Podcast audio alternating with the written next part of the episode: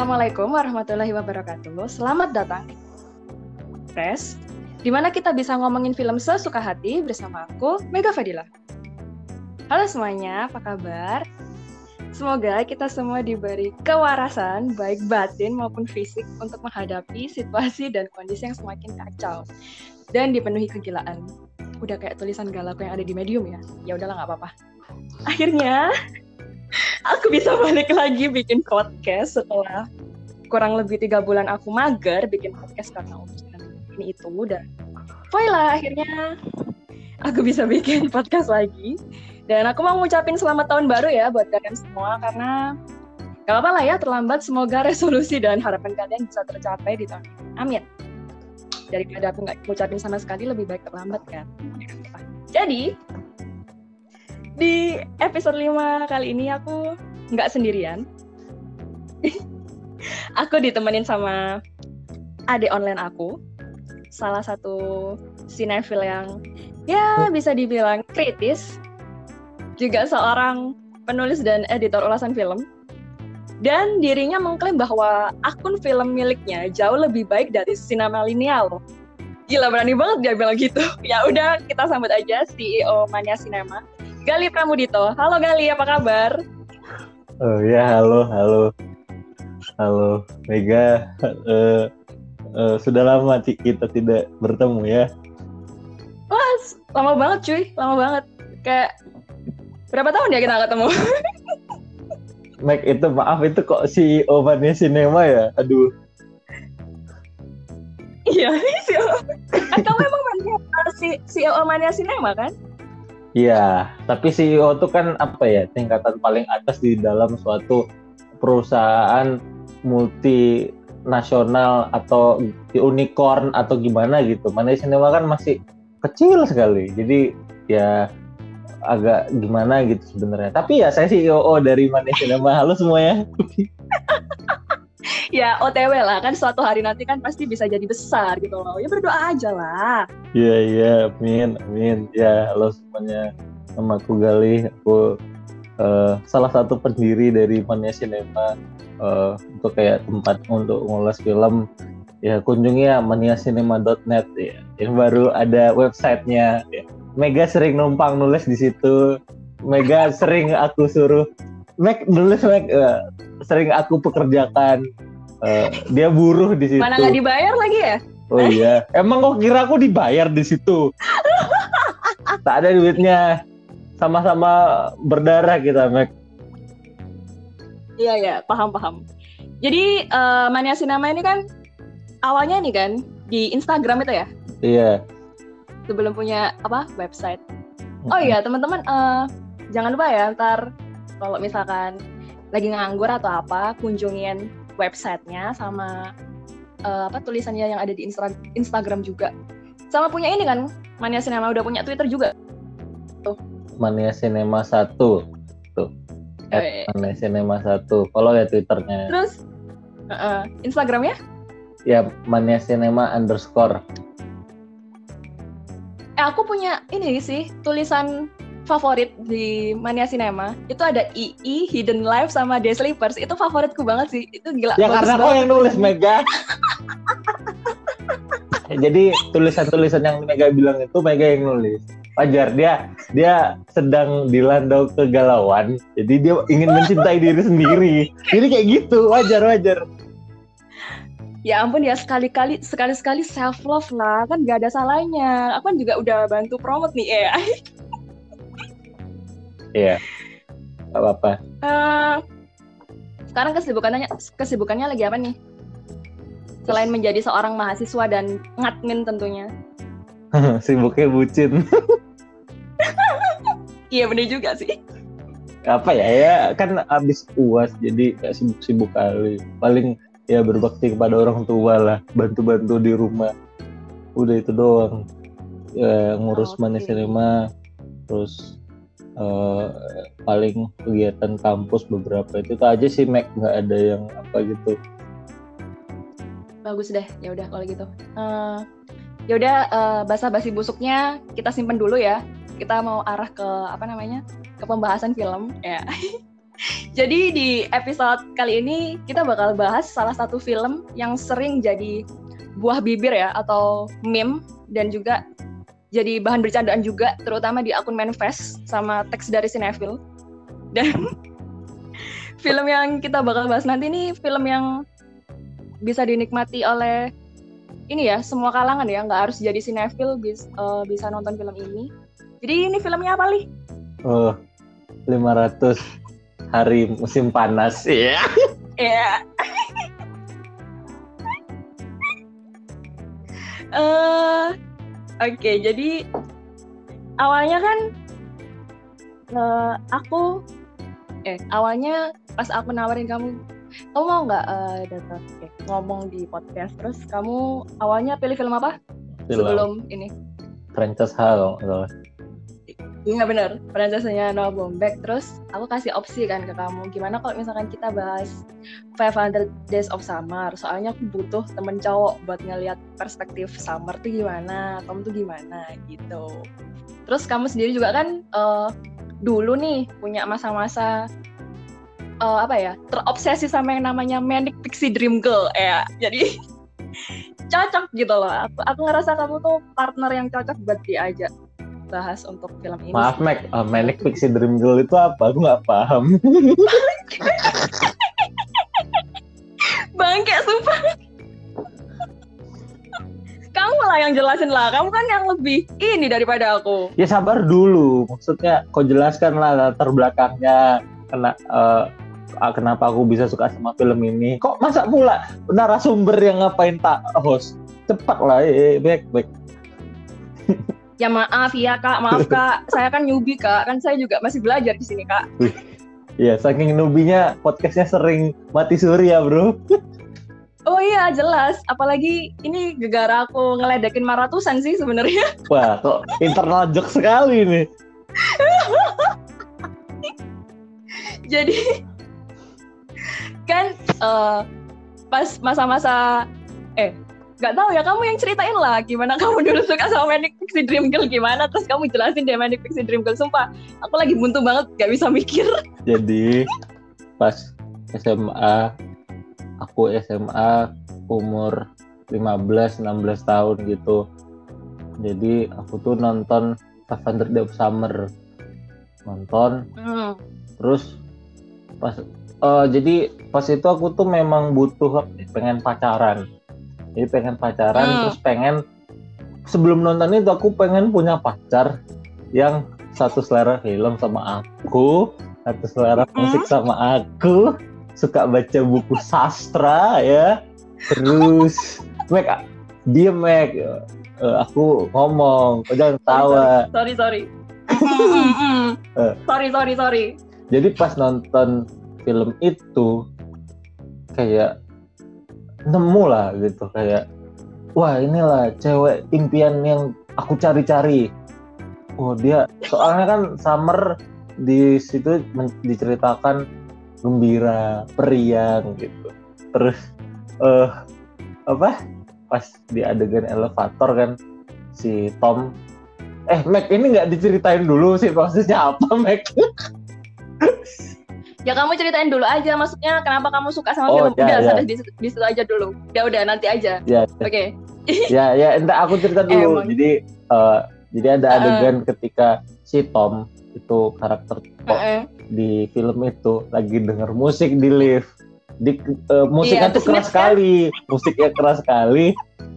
Musiknya dari band Inggris namanya The Smith. Terdengarlah sama uh -uh. si Summer ini uh, Smith ya dia nanya gitu. Smith terus dia bilang uh, sorry uh, I said I love the Smith. Uh, gitulah semacam semacam itu aku tidak hafal Mega lebih hafal.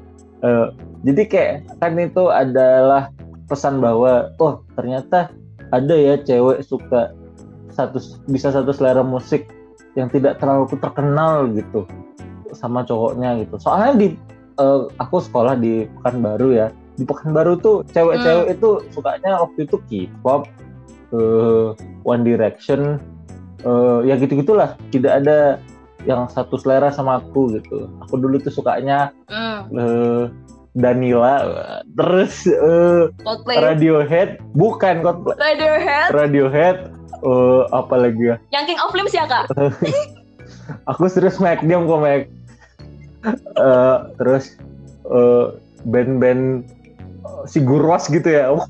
Sigurwas ya ampun niche banget ya bandnya. Iya jadi tidak ada gitu. Ih kayaknya kalau jadi aku tengok Summer ih Summer nih keren ya. Dia itu uh, bisa satu selera suka satu selera sama cewek cowoknya ya. Ada ya gitu. Terus kan uh, yang memerankan Summer kan si Zoe Channel cantik pula kan. Ya. Cantik. Mm. terus kayak uh, inilah dialah jadi saat itu aku uh, bercita-cita kalau SMA aku ingin mendapatkan cewek kayak Summer. Aku tahu teman-teman ini terdengar bodoh tapi ya itulah cer- ceritaku pas SMA itu tolol banget teman-teman ya Allah. Eh, itu dulu sampai itu dulu Meg coba recreate scene yang di elevator coba. Aku mulai dulu ya. Meg aku malu Meg sumpah Meg Alah nggak apa-apa lah. Lagian siapa sih yang bakal dengerin? Gak bakal ada yang peduli juga sebenarnya. gimana gimana gimana Mitch, Eh, sorry I love the Smiths. what you say you like the Smith I said I love the Smiths. What? you said you left the Smith. Udah, udah, udah, udah, udah, udah. Iya cuy, malu cuy. Ya udah, Holy shit. lanjut aja. Iya. Udah lagi. To die by your side. udah, way To die. Udah. Dah, apa udah, apa udah, lagi udah. Jadi, jadi gini, eh, aku mau kasih tahu ke pendengar juga sebelumnya kalau pada pembahasan kali ini kita bakal spoiler habis-habisan ya.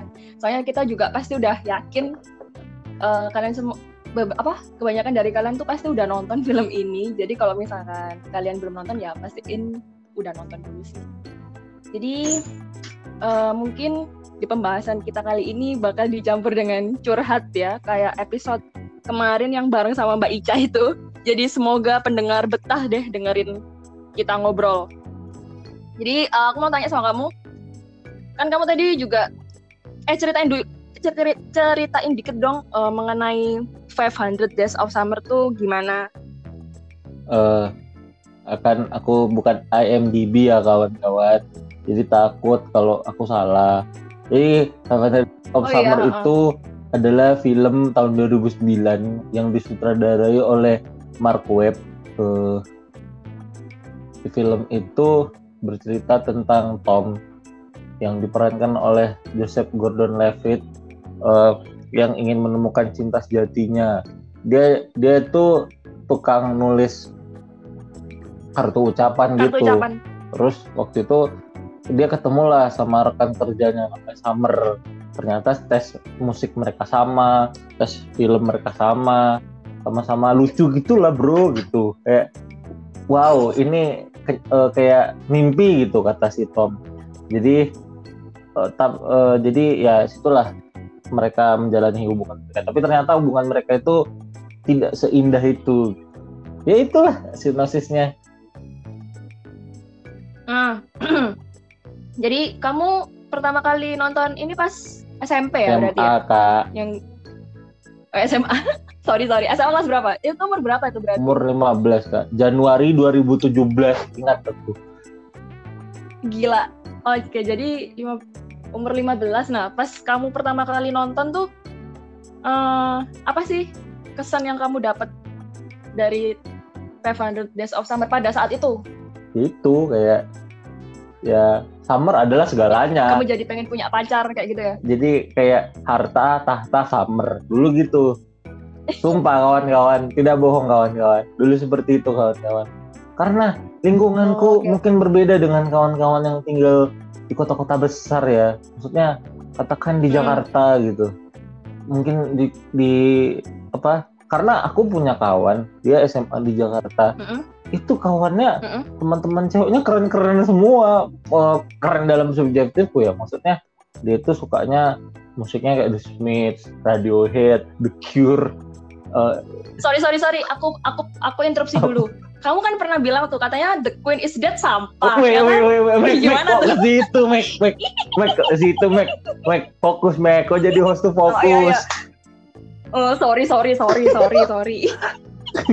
jadi, jadi ya lanjut, lanjut, gitu lanjut. kawan-kawan. Jadi eh, aku tuh sekolah di SMA di Pekanbaru, Riau, ibu kota Riau. Jadi di sana itu tidak ada yang seperti itu kawan-kawan. Jadi pas nengok si Summer ini, ini kayak dream girl sekali gitu. Kayak wah dia itu segalanya ya. Pokoknya dia cinta matiku lah gitu. Pokoknya aku harus nyari cewek kayak Summer. Itu dulu. Dulu itu pas pertama kali nonton kayak ih enak ya kalau misalnya dapet cewek kayak Summer gitu. Gitu. Hmm, hmm, hmm. Nah, jadi terakhir kamu nonton film ini kapan? Maksudnya sebelum sebelum sebelum semalam? ya itu pas itu pertama kali itu soalnya mengiang-ngiang kayak kan ada lagu favoritku di situ kan eh The Temper Trap waduh The Temper Trap ya Allah The Temper Trap judulnya itu sweet Loh, kamu suka temper Oh. trap? diam kau dicidik bot ya Enggak, enggak, enggak. Soalnya kan eh, term kayak gitu ya, istilah kayak gitu tuh kayak misalnya pas, ini aku masuk ya. eh Summer kan tahu tuh pas apa di elevator ketemu sama siapa namanya Tom Tom dengerin The Smiths. Nah di situ kan akhirnya kayak Tom tuh ngerasa ih kok apa namanya cowok eh cewek yang aku suka nih kok suka ya sama The Smiths juga gitu. Jadi kayak ngerasa berharga aja gitu. Jadi kan buat sepi-sepi itu juga gampang gitu loh. Kalau di Twitter sekarang tuh kan jadinya gini sih, yang term yang populer. eh, loh, kamu suka Radiohead juga loh. Kamu suka The Smiths juga. Jadinya gitu tuh loh. Eh gitu. Kalau sekarang gitu kan, kalau mau eh, apa namanya kayak mau deketin tuh jadinya kayak gitu gitu. Term yang dipakai yang populer tuh gitu. iya Mm-mm. Terus eh aku mau tanya lagi, kan kamu semalam nih nonton Iya. kan? Nonton apa? nonton ah, 500 Days of Summer ini. Apa sih yang kamu rasain? Bedanya apa? Pas dulu sama sekarang. Itu gi- gimana perspektifnya?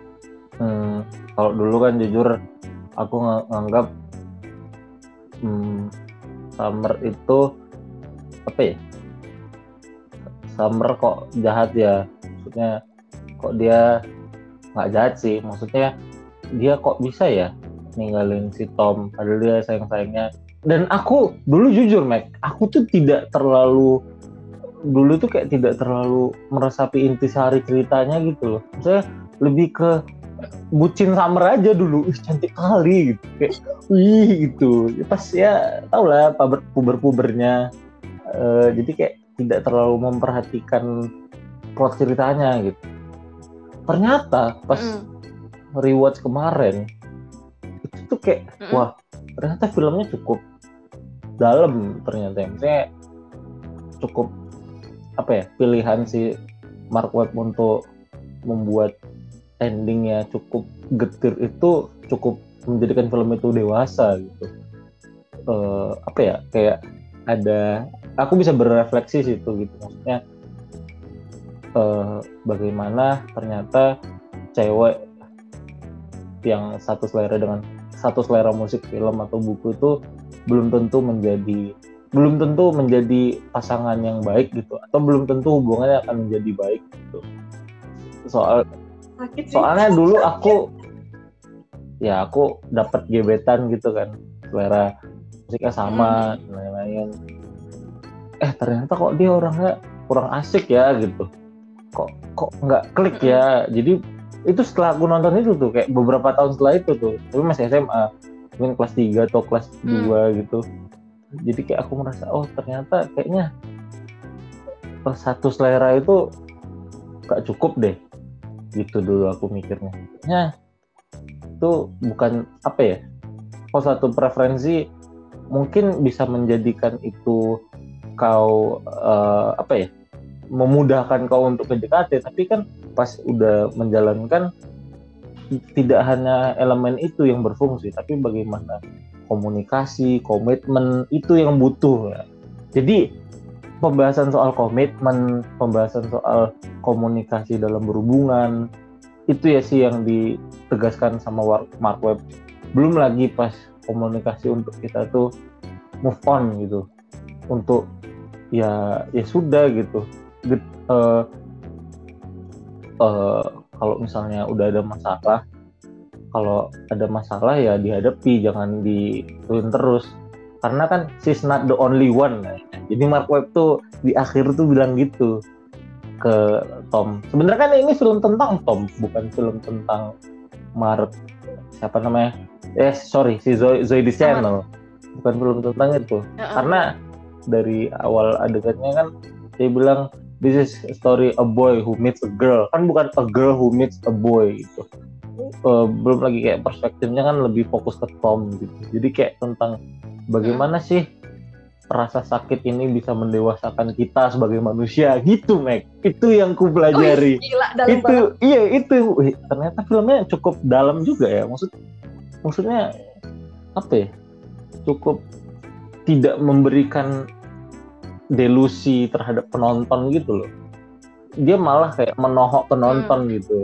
Kalau aku rasa kayak hubungan itu butuh komitmen loh. Terus berlarut-larut butuh, ah, butuh label, juga, juga. kalau misalnya dan kalau misalnya berlarut-larut pada kesedihan itu eh jangan jangan menjadikan kesedihan itu menjadi membuat busuk dirimu. Jadikan kesedihan itu mendewasakan dirimu. Jadi kan luka itu mendewasakan dirimu. Nah itu yang aku belajarin Mac kayak lebih dalam lagi sih kayak oh gitu ya. Ternyata gitu. Gitu. Benar setuju. Kalau kau kayak mana Mac saya oh aku. Ya ampun. Aku pertama kali nonton 500 Days of Summer ini uh, pas umur 19 tahun. Dan tahun berapa ya itu? Tahun 2000 15 mungkin ya. Jadi uh, pas aku nonton pertama kali ya aku nggak seberapa merhatiin sih. Malah aku ketawa-ketawa pas bagian ini loh scene elevator itu ketawa-ketawa. Terus pas uh, scene apa sih namanya? Ekspektasi sama realita waktu di apa namanya? Di dempet itu loh. Bukan di dempet sih ya pokoknya beriringan itu loh. Nah itu aku malah ketawa gitu loh. Lah pas semalam aku rewatch lagi itu rasanya beda kayak aku pas ngelihat Tom itu aku kayak ngaca sama diri aku sendiri. Kayak apa ketika Tom bilang uh, curhat sama temennya eh aku suka nih sama cewek tapi kayaknya dia nggak tertarik dia sama aku. Itu tuh aku banget gitu loh kayak setiap kali aku suka sama seseorang pasti aku bakal bilang eh kayaknya aku suka sama aku suka dia sama dia. Tapi kayaknya dia nggak tertarik dia sama aku gitu kan. Pasti Anjay, kayak gitu gitu loh. Dan aku ngelihat jadi kayak aku ngelihat Tom itu pas kemarin itu kayak ada sih beberapa dalam diri Tom itu ada akunya gitu loh.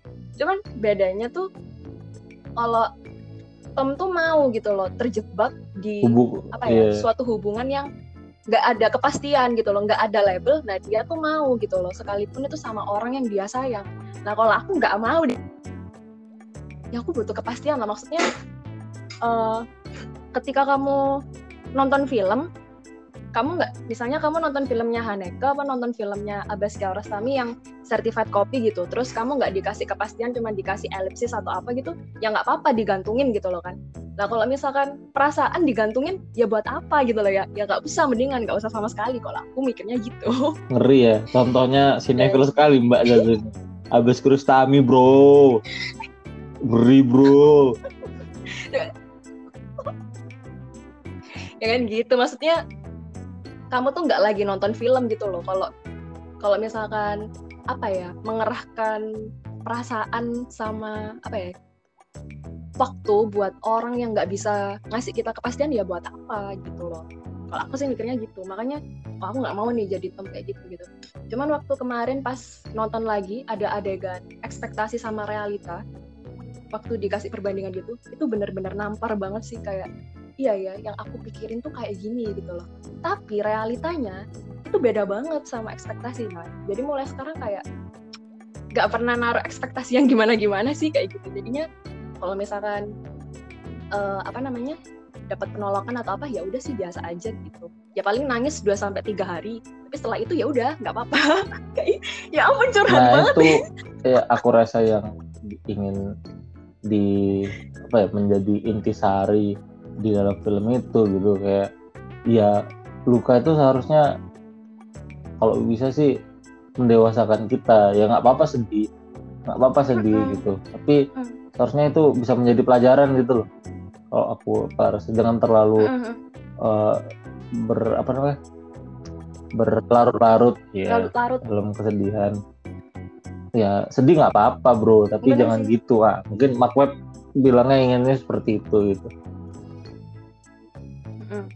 dan ini pas aku nonton kemarin itu rasanya kayak aku nonton Cacking Woi, kok jangan ngait-ngaitkan dengan film sakral kitab suci itu terus, Meg. Karena di dunia ini, di Enggak dunia gitu, ini gitu, ada gitu, film gitu, namanya The God, eh The The White Devil, The Black God ya. Terus ada judul film, judulnya uh, apa Mutual Appreciation ya. Terus ada judul film Mambelkar semua Enggak, yang tadi kamu sebutin. Ada Cinema Nuvo. Terus ada ada uh, apa judulnya film si Yogi Saputra itu ya? A Sleeping Moment ya. Apaan? Oh. enggak, enggak. Serius, serius. Kenapa aku ngerasa uh, impact yang sama ketika aku habis nonton Canggih Express sama 500 Days of Summer karena dua-duanya tuh kayak ngasih tahu gitu loh kalau uh, apa namanya obat patah hati paling ampuh itu ya ketemu sama orang baru gitu loh. Iya kan?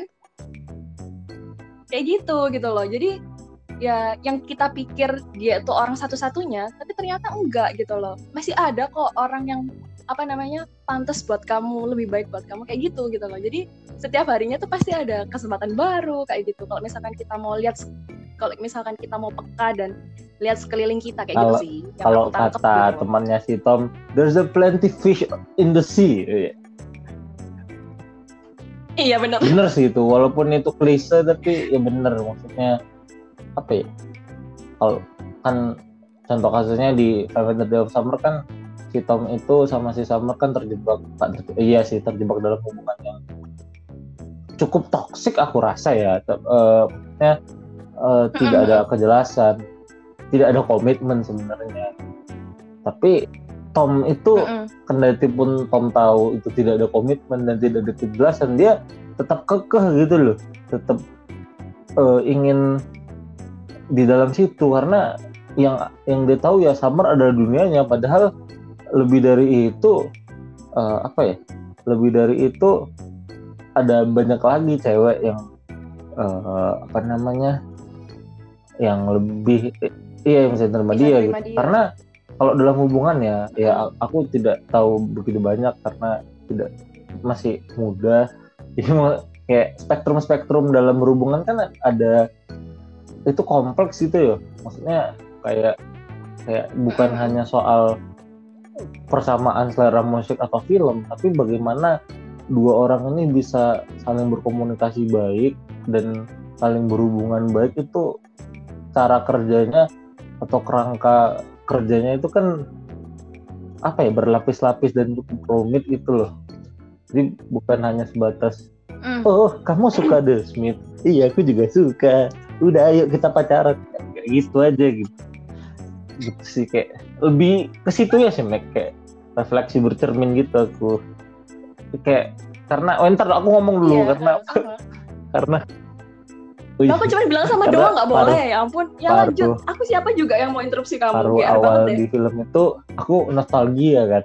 Apalagi mm uh, lagu Temper mm. Trap. Sweet this position. Eh udah jangan nyanyi lanjut. Diam kau. Uh, ya kan kan waktu itu itu kayak nostalgia banget. Tapi pas udah pokoknya beberapa menit sebelum adegan ekspektasi, ekspektasi lawan realita itu itu kayak wah anjir film hmm. ini se bitter ini ya gitu. Se apa ini ya gitu. Uh, se nggak dalam sih. Tapi ya se cukup ya cukup apa sih dalam ya apa ya? Ya cukup kuat juga ya maknanya ya gitu. Tidak bukan hanya sebatas uh, permaknaan trivial atau permaknaan dangkal kayak oh summer cantik. Oh ada the sub the temper trap. Enggak ternyata lebih dari itu ada lagi ya maksudnya gitu film. Kayak gitu sih Mac. Kayak uh, ternyata cukup apa ya dewasa ya filmnya dalam bersikap gitu gitu sih Mac. Hmm. Uh, kamu lihat nggak sih pas adegan ini pas Tom di apa ya di di kafe apa di mana gitu apa di pokoknya di tempat nongkrong lah kalau nggak salah terus dia kan kumpul tuh sama temennya temennya kan nanyain gimana kamu sama Summer? gitu kan. Terus habis gitu jawabannya Tom inget gak ya kita sih ngejala apa ngejalanin dulu gitu loh. Lagian kan di dunia modern kan nggak harus ada label. Nah sebenarnya Tom di situ itu tuh dia tuh lagi denial aja sebenarnya. Sebenarnya dia tuh butuh label tapi dia nggak berani gitu loh. Maksudnya nggak berani minta kejelasan aja ke Summer gitu loh. Karena ketika dia minta kejelasan pasti semuanya bakalan berubah gitu loh. Benar benar. Ya nggak? Kayak di tulisannya sang maha guru Adrian Jonathan kan kan kayak dijelasin tuh uh, iya. kalau si Tom jadi ada itu kalau nggak salah dia itu nulis kalau Summer menganggap perteman apa hubungannya berteman tapi si Tom menganggapnya uh, ternyata hmm. iya lebih, lebih. dan kan slow down kan kata si si siapa si Summer slow down? Hmm maksud si Summer itu slow down itu ya udah kita temenan aja. Tapi si Tom ini salah mengartikan gitu tulisannya Adrian Jonathan gitu.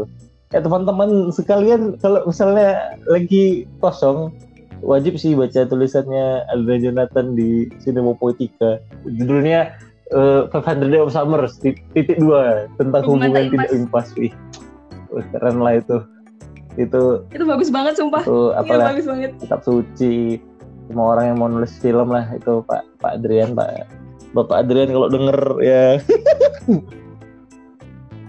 Halo Bang Adrian. Kalau dengerin ya tapi kayaknya beliau nggak bakal dengerin sih karena yang ngapain juga dengerin podcast ini kan lebih baik kan dibuat tidur atau dibuat baca orang lama ya kan? Itu yang bang dengerin podcast ini. Aku diem loh bang. Aku diem Gak, gak, bercanda bang, ya? bercanda. Ya? Maksudnya kayak ya, tulisan dia itu uh, cukup dalam ya, maksudnya kayak menjelaskan hubungan. Ya itu tadi kayak uh, hu di hubungan modern uh, manusia itu mencari cinta tuh kayak ke supermarket apa yang cocok sama dia gitu ya. Kalau kalau gitu kan kayak tipe-tipe ar archetype jadi kayak uh, apa namanya kayak cocok nggak sama aku selera filmnya sama selera musiknya sama jadi gitu. Jadi dia menjelaskan bagaimana uh, hubungan modern gitu. Ya keren lah itu hmm, bagus. Uh, apa lagi ya? Nah pas kamu di umur 15 tahun ya? Pas yeah. pertama kali kamu nonton benar gak lah, pas 15 tahun itu kamu merhatiin nggak sih karakter Tom tuh kayak gimana? Terus karakternya Summer tuh kayak gimana? Merhatiin nggak hmm, kira-kira? Sedikit aja sih, tapi kayak si Tom ini kayak ya aku mau memosikan diriku sebagai Tom kayak jatuh cinta sama si Summer gitu. Hmm. Gitu aja sih, nggak sedalam sekarang aku mikirnya kayak ya aku aku mikirnya kayak oh ternyata Tom ini sedih ya kasihan ya gitu. Uh, kok ditinggalin sama Summer gitu. Nah gitu aja sih Mac nggak terlalu mikir. Hmm.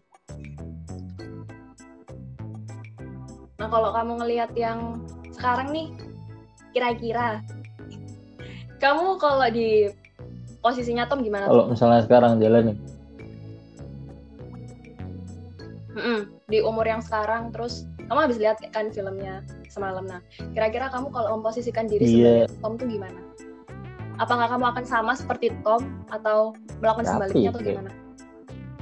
Ya tentu aku sedih sih kayak ya enggak sih maksudnya sebelum sebelum hubungan itu pasti aku tegas sih ya kayak katanya apa gitu mungkin ini ada hmm. berhubungan dengan budaya sih mbak kayak aku nggak tahu ya maksudnya mungkin di sana uh, di Amerika hubungan tanpa label itu aman-aman aja gitu. Karena di beberapa film kan kayak gitu ya. Maksudnya, tadi aku nonton backheadnya Jo eh Jo Swanberg eh backheadnya si siapa?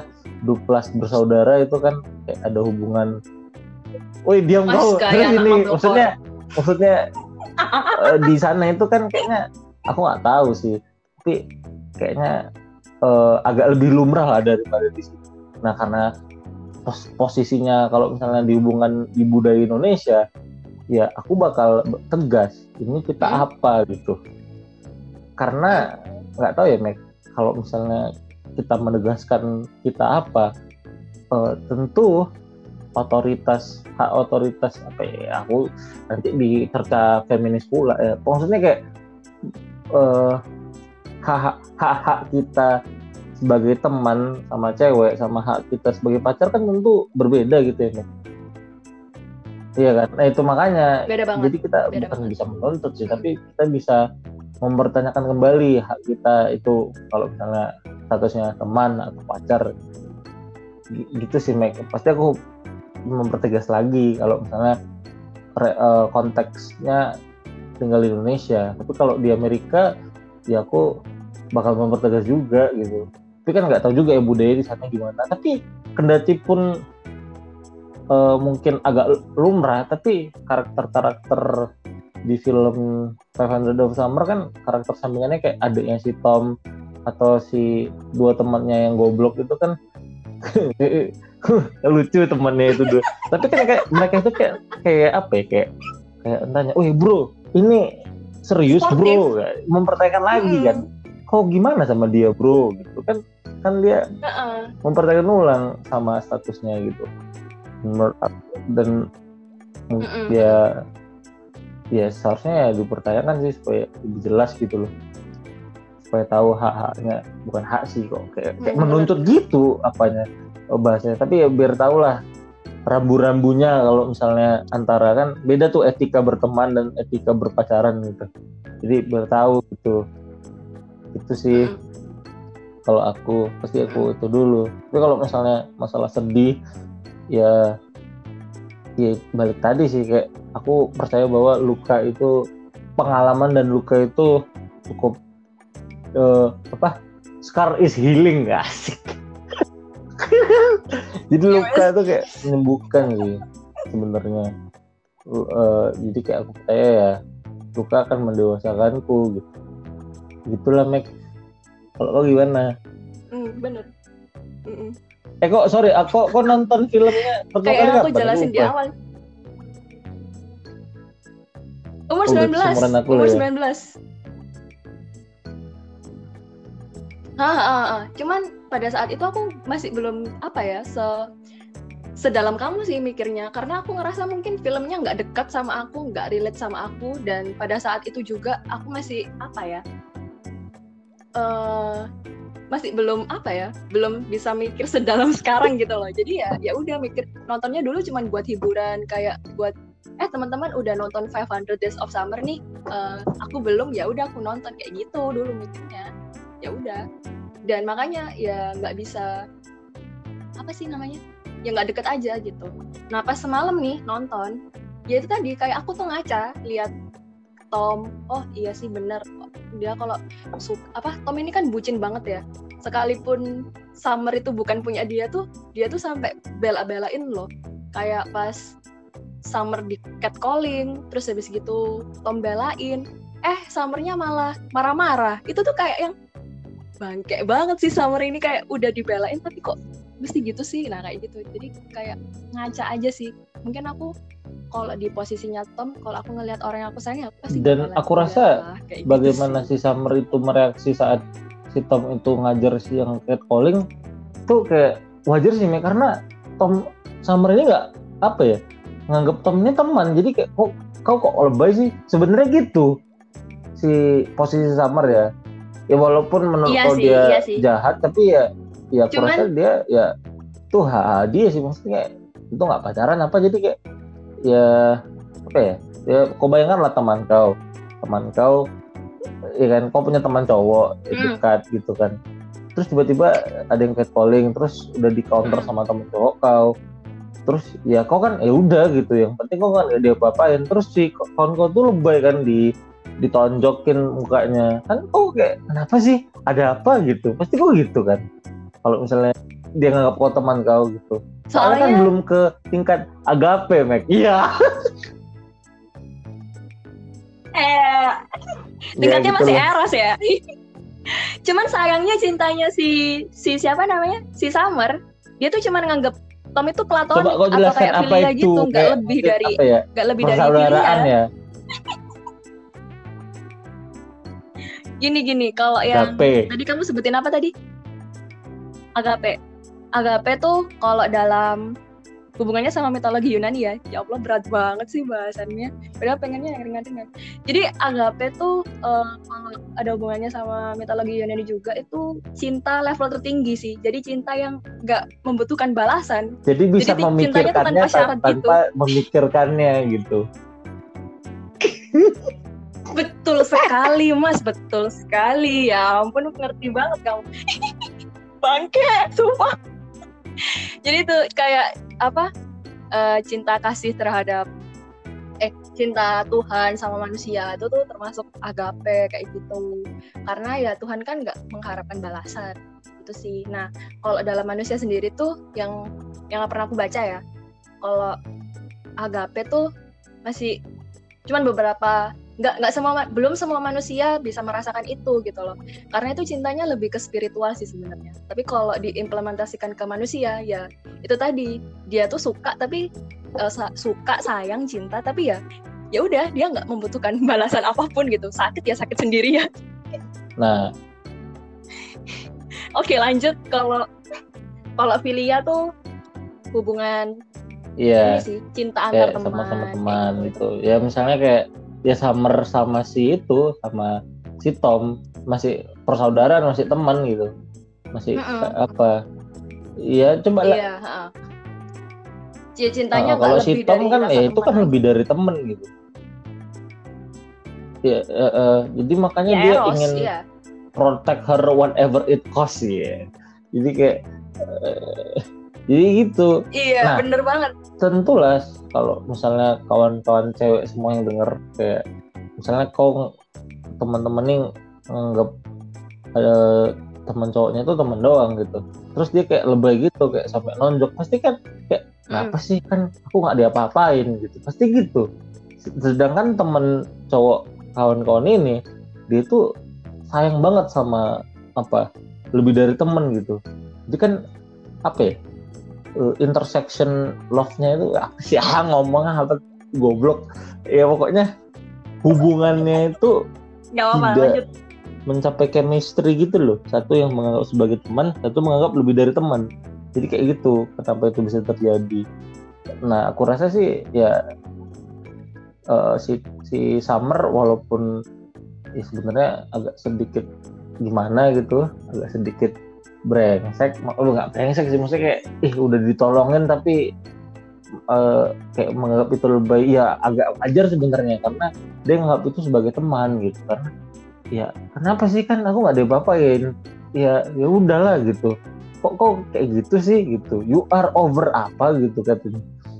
Jadi ya itu sih Mac. Kayak hmm. gitu kata si Summer.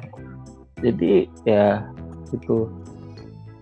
Oke. okay kalau ya ya sih bisa diterima juga sih. Kalau kalau aku sendiri kan ngelihat Tom yang digituin aku juga bisa maklum sih gitu kan. Kayak ih kok cewek aku nih gitu. Meskipun nggak ada label ya tapi kan aku memposisikan sebagai Tom gitu ya. Ih cewek aku kok di calling sih gitu. Ya udah aku harus melindungi dia. Heroic. kayak ada sisi yeah, yeah.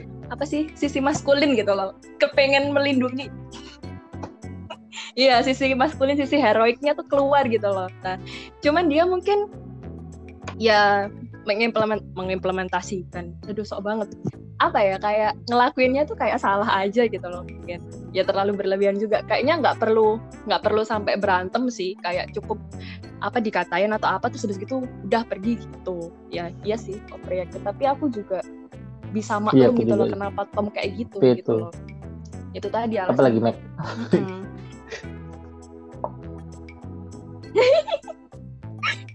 Terus Nah, ini Mega ini yang Mega up nyatet Nah, ini guys. Mega di- Mega ini gila guys.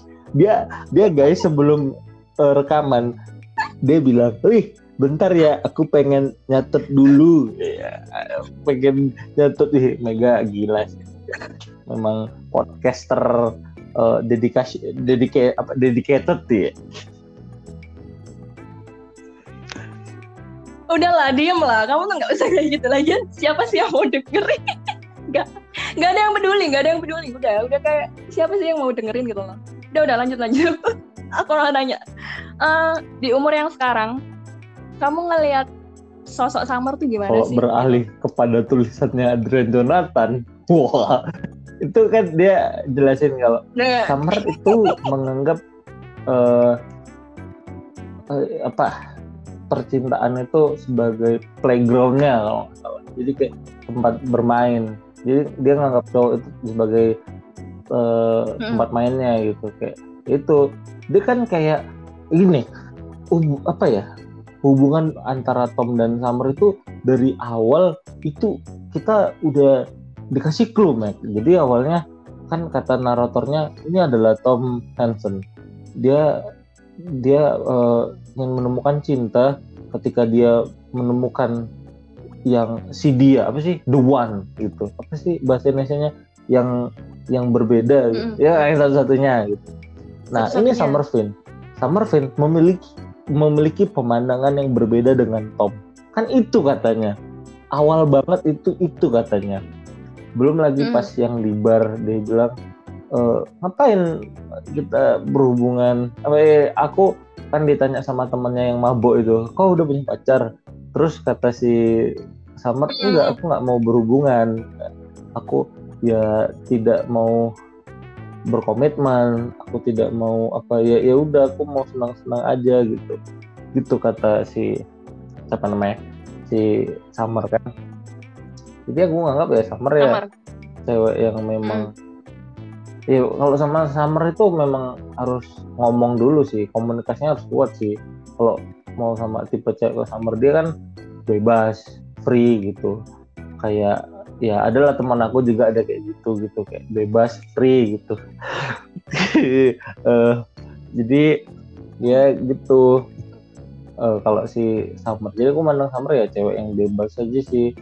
Dan apa ya?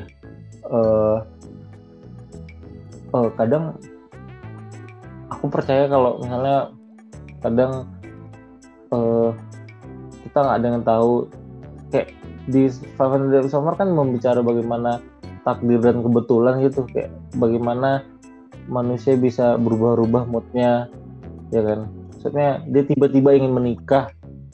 Jadi ya Mm-mm. Summer ya atau ya itu dia bebas aja gitu. Kayak nggak tahu aku pengen menikah aja gitu.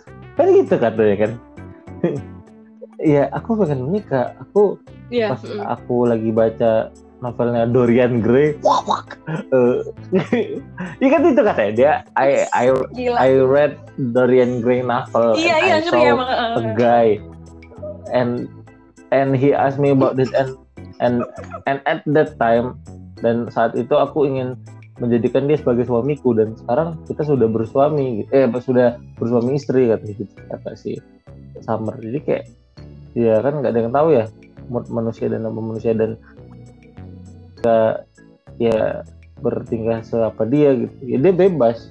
Dan itu hak dia sebenarnya maksudnya tidak. Dan dia kan memang dari awal kan udah ngomong sebenarnya "Eh, ini nggak ada apa-apa ya Tom. Dari awal itu dari awal aku nggak mau label bla bla bla. Tapi ya situ Tomnya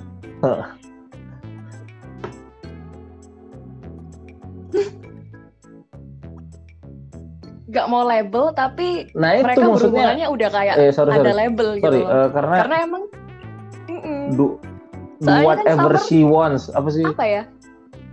Menganggap iya bebas iya kayak ngelakuin apa ya sampai sex shower bareng terus habis gitu. Ya gitu kayak Mm-mm. kayak pasangan Jadi suami kayak istri gitu loh. si di akhir film kan pas mereka duduk itu aku rasa adegan terakhir pas duduk itu adegan yang cukup emosional sih cukup kuat kayak kata si si Tom itu kan Mm-mm, dia mm-mm. bilang bener bener bener you sumpah do sumpah whatever you sumpah. want did you kata si Tom kau melakukan apa yang kau suka kan dia si Summer ketawa-ketawa aja sih kayak iya kayak Mm-mm. ya aku melakukan apa yang aku suka gitu soalnya kan si Tom itu bingung kayak kissing in the coffee room shower sex together jadi kayak dia kan dia dia menceritakan kalau kita teman teman ma- teman apaan yang eh, udah berhubungan seks udah ciuman temenan apa itu. Ya si Summer suka aja dengan hal itu gitu. Dan apa ya kan memang secara hukum kan tidak ada apa ya secara hukumnya itu sah. Maksudnya kan mereka sama-sama suka. Kan nggak ada di hukumnya. Aku atau ya atau juga sebenarnya tapi kayak nggak ada kan hukum di Amerika kayak oh berhubungan seks kalau misalnya kau pacaran dulu. Kan nggak ada gitu kan. Ya, dia tidak hukum mungkin norma Nggak aku nggak tahu norma di sana gimana. Tapi ya kan gitu kayak tapi ya itu cukup aneh aja sih. Maksudnya dia melakukan gitu tapi tidak ada label. Tapi ya itu sah sah aja gitu secara secara eh, eh, hukumnya gitu. Ya gitu ya suka suka dia gitu. Dia orangnya bebas kan dari awal dibuat gitu. Itu sih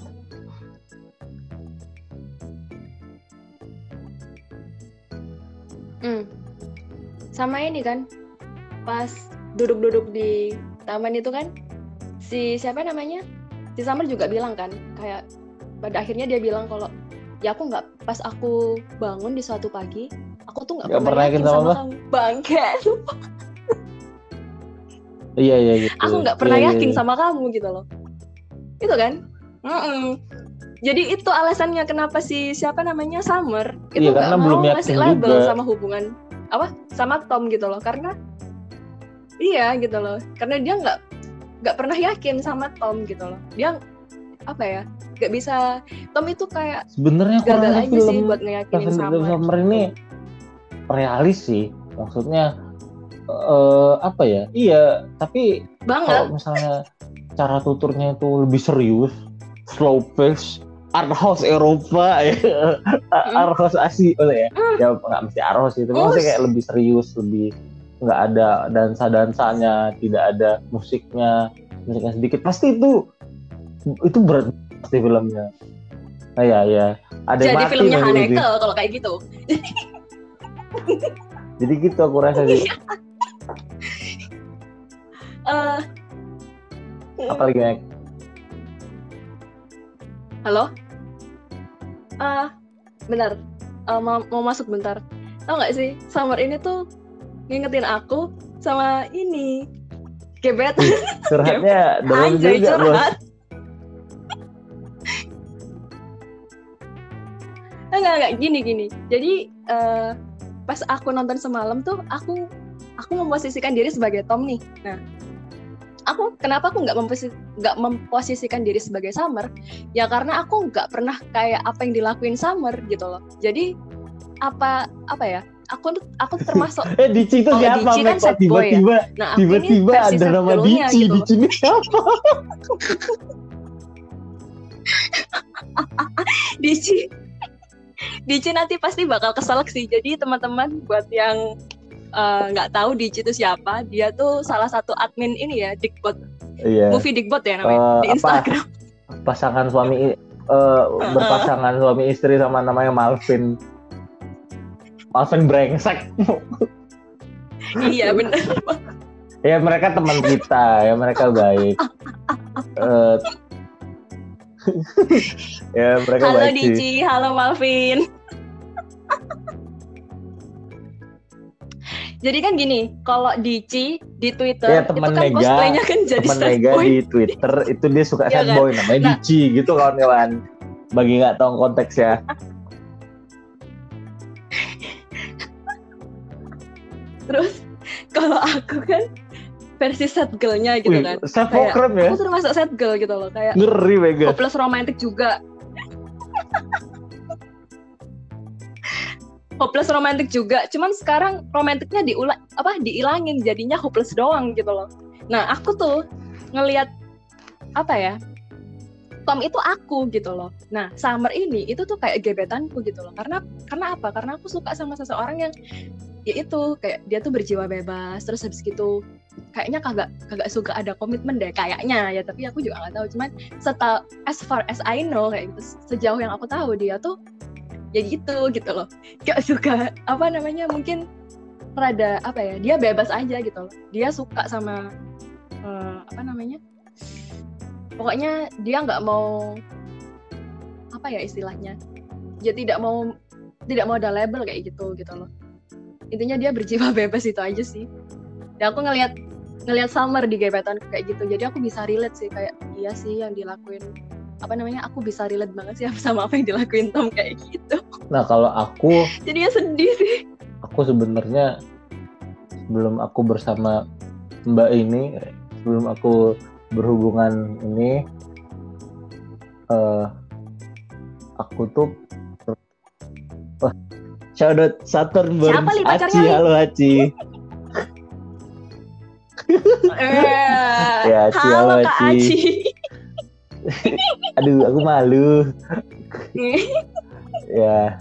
Terus terus. Ya sebelum hubungan ini kayak waduh nanti orang tua aku dengar pula. Nah, siapa itu? Jadi habis itu tadi oh ya jadi sebelum aku berhubungan dengan dia aku pernah suka nih sama cewek gitu. Jadi ceweknya ini ya memang ya aku hmm. relate sama Tom juga karena persis ceweknya ini dia apa ya kayak summer uh, gembira. Tapi misterius sekali boy. Kayak suka ngilang suka apa terus kayak manfaatin aku aja gitu. Jadinya gitu. Gitu. Jadi kayak jadi aku cukup relate lah gitu sama si Tom. Dan hmm. aku ada fase ketika Tom itu galau. Ada wih galau sekali kayak dunia mau pecah dunia mau uh, itulah ada lah gitu kayak aku mendengarkan Radiohead bahwa 24 jam sehari kayak I'm not here iya itu How to disappear completely ya kak ya? Itulah lagu gila lah itu. Jadi aku ya ada pas bagian itu kayak aku tertampar gitu. Gal ini kan kau pernah di sini gal gitu. Oh, gue bilang gitu. sangat ter, apa ya relate-nya itu tidak relate uh, aku relate tapi kayak tertampar gitu eh, ternyata apa ya sedih juga ya gal film ini soalnya pas pas awal nonton kan tidak sedih ya pas uh, aku pas SMA jadi ternyata pas udah sekarang kayak mm -mm. ternyata ini ini sedih sekali filmnya gitu ternyata ya cukup stres juga ya filmnya sebenarnya uh, di cara tuturnya gitu sebenarnya. Tapi dibuat agak agak gembira sama si Mark Webb gitu ya. Uh, lagi ringan ya itu jadi kayak aku oh, ternyata memang aku uh, sesedih ini ya hubunganku pernah gitu. Kayak ingat dulu dulu lah. Tapi sama Kak Aci sama si Aci ini ya baik-baik saja sih. Kayak enggak. Ya Aci tuh kayak autumn sih. Ya anda udah udah udah udah udah. Jadi curhat. Autumn ya autumn. Kayak dia tuh apa ya new chance ya kayak ya itu tadi kayak ada oh orang baru nih kayak gitu. Obat patah iya, hati paling ampuh sih iya kayak gitu. pas ketemu Aci tuh kayak ya kayak si autumn itu kayak mm -mm. ya gitulah. Mm -mm. Nah udah lah Meg ya aku tuh belum nemu gitu, gitu loh autumn versi aku belum nemu versi autumn itu nah sekalinya kayak apa ya siklusnya tuh kan kayak suka nih. Eh suka jatuh cinta confess ditolak terus jatuh cinta lagi lah gitu gitu terus gitu loh. Nah itu bosan banget ini kalau dalam ulasan film ini membahas konteks film. Jadi kayak di luar film itu tidak apa-apa oh oke okay, oke okay, oke okay. jadi kenapa aku bilang uh, orang yang aku suka itu tadi kayak Summer kayak dia berjiwa bebas gitu. Wih, kok curhat dalam Mike? Karena Mike, dia pernah curhat gini. Uh, bukan nge-tweet sih tapi nggak nggak nggak tapi dia tuh pernah ada nge-retweet nge-retweet gini uh, normalize people who don't want to get married. Nah di situ aku tahu kalau misalkan dia tuh nggak mau komitmen. Nah di situ aku tahunya.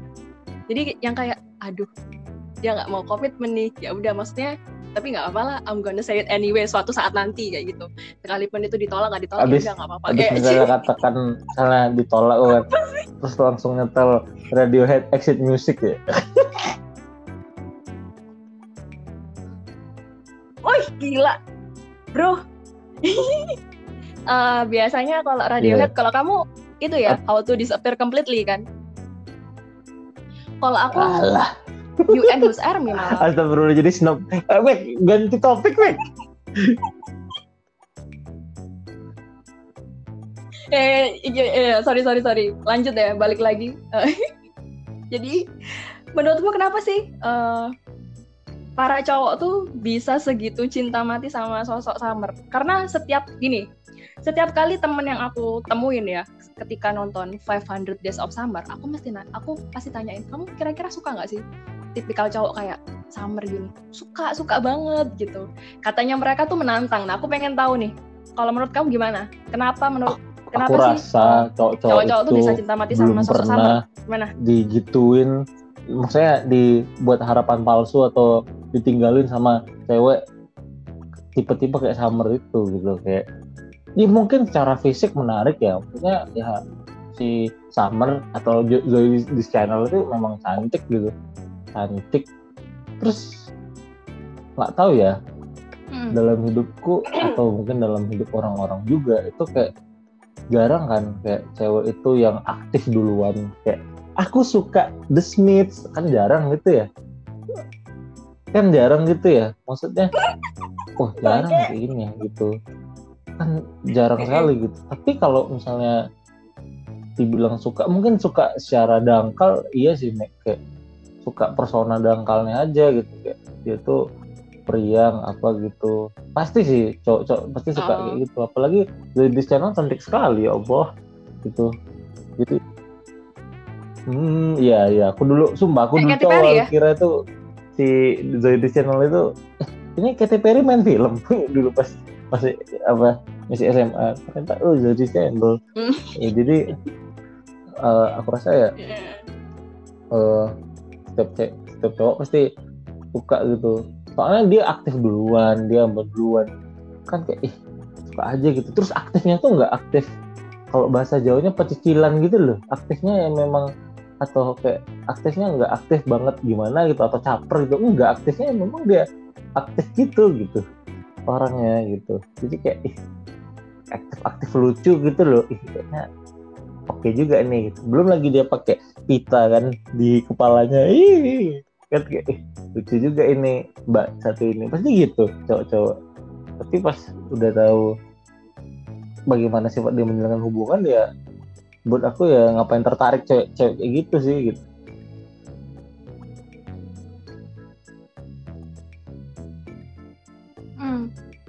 berarti benar juga sih bisa disimpulin ya. Kenapa aku masih juga suka sama masnya? Eh. Bangke. Terus kamu ingat gak uh, scene yang pas itu si siapa namanya? Tom nanyain kan kalau di Beatles kamu sukanya siapa? Gitu kan. Pas setiap orang tuh sukanya sama John yeah, Lennon, Ringo. Paul McCartney kayak gitu kan, kan. dia sukanya sama Ringo, ya? Ringo bro. Sama kayak sama kayak ada apa pernah apa dia misalnya katakan ada cewek sukanya tuh band favorit kamu apa? Gitu. Tuh band favorit aku itu hmm, apa ya yang obscure uh, itu loh. Bukan Kings of Leon katakan gitu. Kings of Leon. Kan ah uh, Hah, Kings of Leon? Gitu ya Kings of Leon cuy nah, kan gitu, gitu kamu suka Kings of Leon juga apa gitu kok sukanya Kings of Leon Iya kan? Uh, apa ya aneh ya, iya sih. Kayak lo kamu uh, dengerin Kings of Leon kayak gitu. Uh, latar belakang budaya di luar Jawa ya. Maksudnya aku tidak mau meng, apa ya bilang mengotak-otakan kalau bela, bela, apa orang luar Jawa itu luar Pulau Jawa itu lebih terbelakang enggak sih? Tapi eh oke okay, di Pekanbaru itu nggak terbelakang memang ada beberapa cewek yang update gitu. Tapi kayak di lingkunganku itu nggak ada sih yang update cewek kayak sukanya Kings of Leon gitu. Nggak ada. Jadi kayak pas ada kata-kata ah Kings of Leon. Kayak yang mana? gitu. Kayak ini gitu. Kayak kayak gitulah. Eh uh, gitulah Mac. Belum lagi kayak bilang uh, aku suka hip hop iya itu kenapa hip hop belum lagi apa ya uh, hip hop kamu suka uh, yang mana gitu. Kan pasti kita akan berharap jawaban kayak oh, Travis Scott atau mungkin uh, apa ya Lil Pump atau ya itulah yang yang itu. Oh Kendrick Lamar ya. Kendrick Lamar yang mana albumnya gitu. Itu Butterfly. Ya hmm mulai. Ya. Gali mulai nih snobnya nih mulai nih. Iya uh, apa namanya masa-masa SMA-nya tuh keluar ya. lagi gitu loh. Kan butterfly. Apa? Mac jadi gimana udah, nih uh, yang The Queen is jadi anak-anak tuh aku aja jalan kau juga.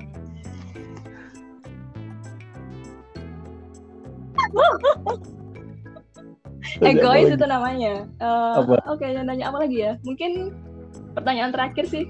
Pertanyaan terakhir sih pertanyaan terakhir uh, kayaknya udah dijawab semua sih tapi ya udah kayak amanat upacara amanat, ya. ada emang ada amanatnya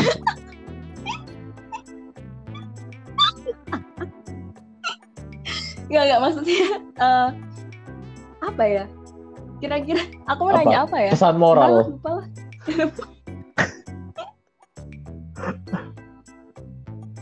bukan bukan pesan moral sih.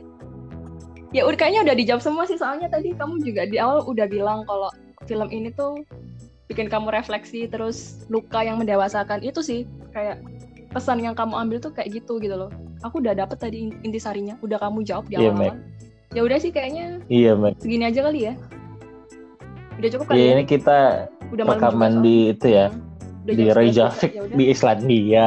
Jadi dingin dingin uh dingin.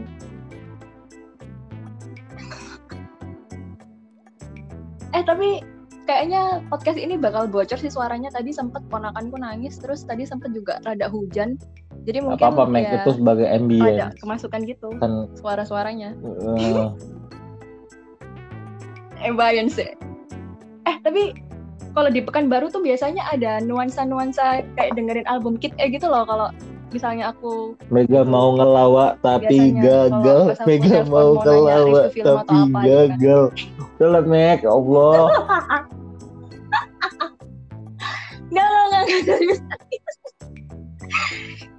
Soalnya kamu mesti bilang gini Enggak, justru Mac, kau, robot, Mac robot kawan-kawan, gitu kan. Gak tau kenapa kawan-kawan. Kalau nelfon Mega, itu pasti beberapa menit kemudian suaranya kayak robot gitu. Kayak misalnya kawan-kawan dengar albumnya Radiohead yang Oke okay Komputer Fitter Happier ya. Oh. Kayak suara Google gitu kawan-kawan. Udah udah udah. Jadi uh, robot lah ya makanya BOT gitu kan. Yaudah ya uh, kita tutup aja ya. Bentar kamu jangan pergi dulu jangan jangan apa? Jangan ninggalin dulu lah kayak summer bener jadi makasih buat teman-teman yang udah dengerin sampai selesai uh, sorry kalau misalkan kita banyak bercandanya dan review ini kayaknya kayaknya komposisi dari Enggak, episode ini tuh 9, 10% review, 90 persennya curhat, curhat sih kayaknya. Sama kayak yang Ya. Oh gitu ya? Ya udah deh sama kayak yang episode kemarin sama Mbak Ica tuh. Anu apa namanya? Popo. Apa?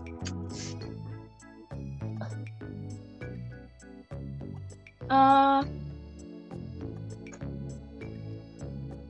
banyak cok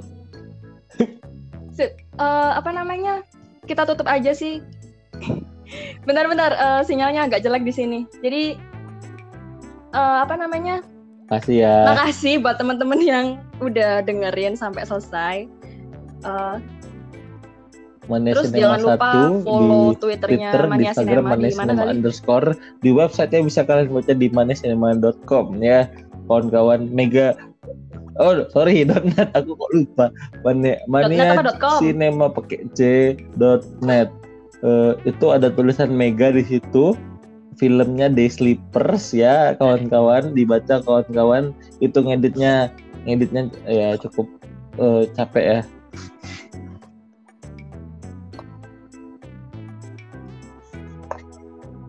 dan makasih uh, sorry kalau uh, mohon maaf banget kalau misalkan podcast ini banyak banget kekurangannya dan me sangat dan memang banyak banget sih kekurangannya mulai dari sound yang seadanya atau apa. Kalian karena ya film Express belum iya, kaya sih jadi ya kalian jangan ya, banyak ya, teman -teman. omong. jadi belum bisa beli peralatan yang kok suara jelek? Ya udah kalau kok kaya kok kasih duit beli peralatan. Jangan banyak omong ya kan? Eh suara jelek ya gimana? Weh, syukur ya kami itu kasih kasih kasih budgetan ke kalian ya.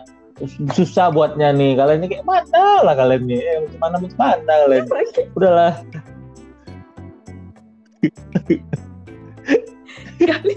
Udah udah udah udah udah udah jadi makasih banget. Dan kalau misalkan kalian dengerin sampai selesai berarti kalian ngedukung adanya podcast ini. Dan uh, kita ketemu lagi di episode selanjutnya nggak tahu kapan. Kalau misalkan aku nggak mager deh. Oh ya nanti kapan-kapan kita ngobrol lagi ya.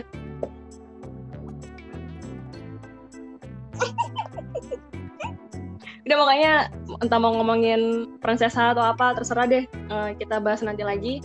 Pokoknya kita harus ngobrol lagi Dadah. sih harus wajib ya udah kalau gitu uh, semoga teman-teman tetap sehat waras dan ya 2021 ya? semoga semoga tetap waras uh, juga ya di situasi yang kebaikan gila untuk ini. kita semua uh -huh. ya kawan-kawan semoga kita masih dikasih kesehatan keberkahan sama Tuhan yang Maha Esa ya kawan-kawan ya udah itu Dah, amin. Mm. Waalaikumsalam. Yaudah, makasih semuanya. Uh, Jamaah. warahmatullahi wabarakatuh. asik, asik. Bye, kita pamit. Left Mac.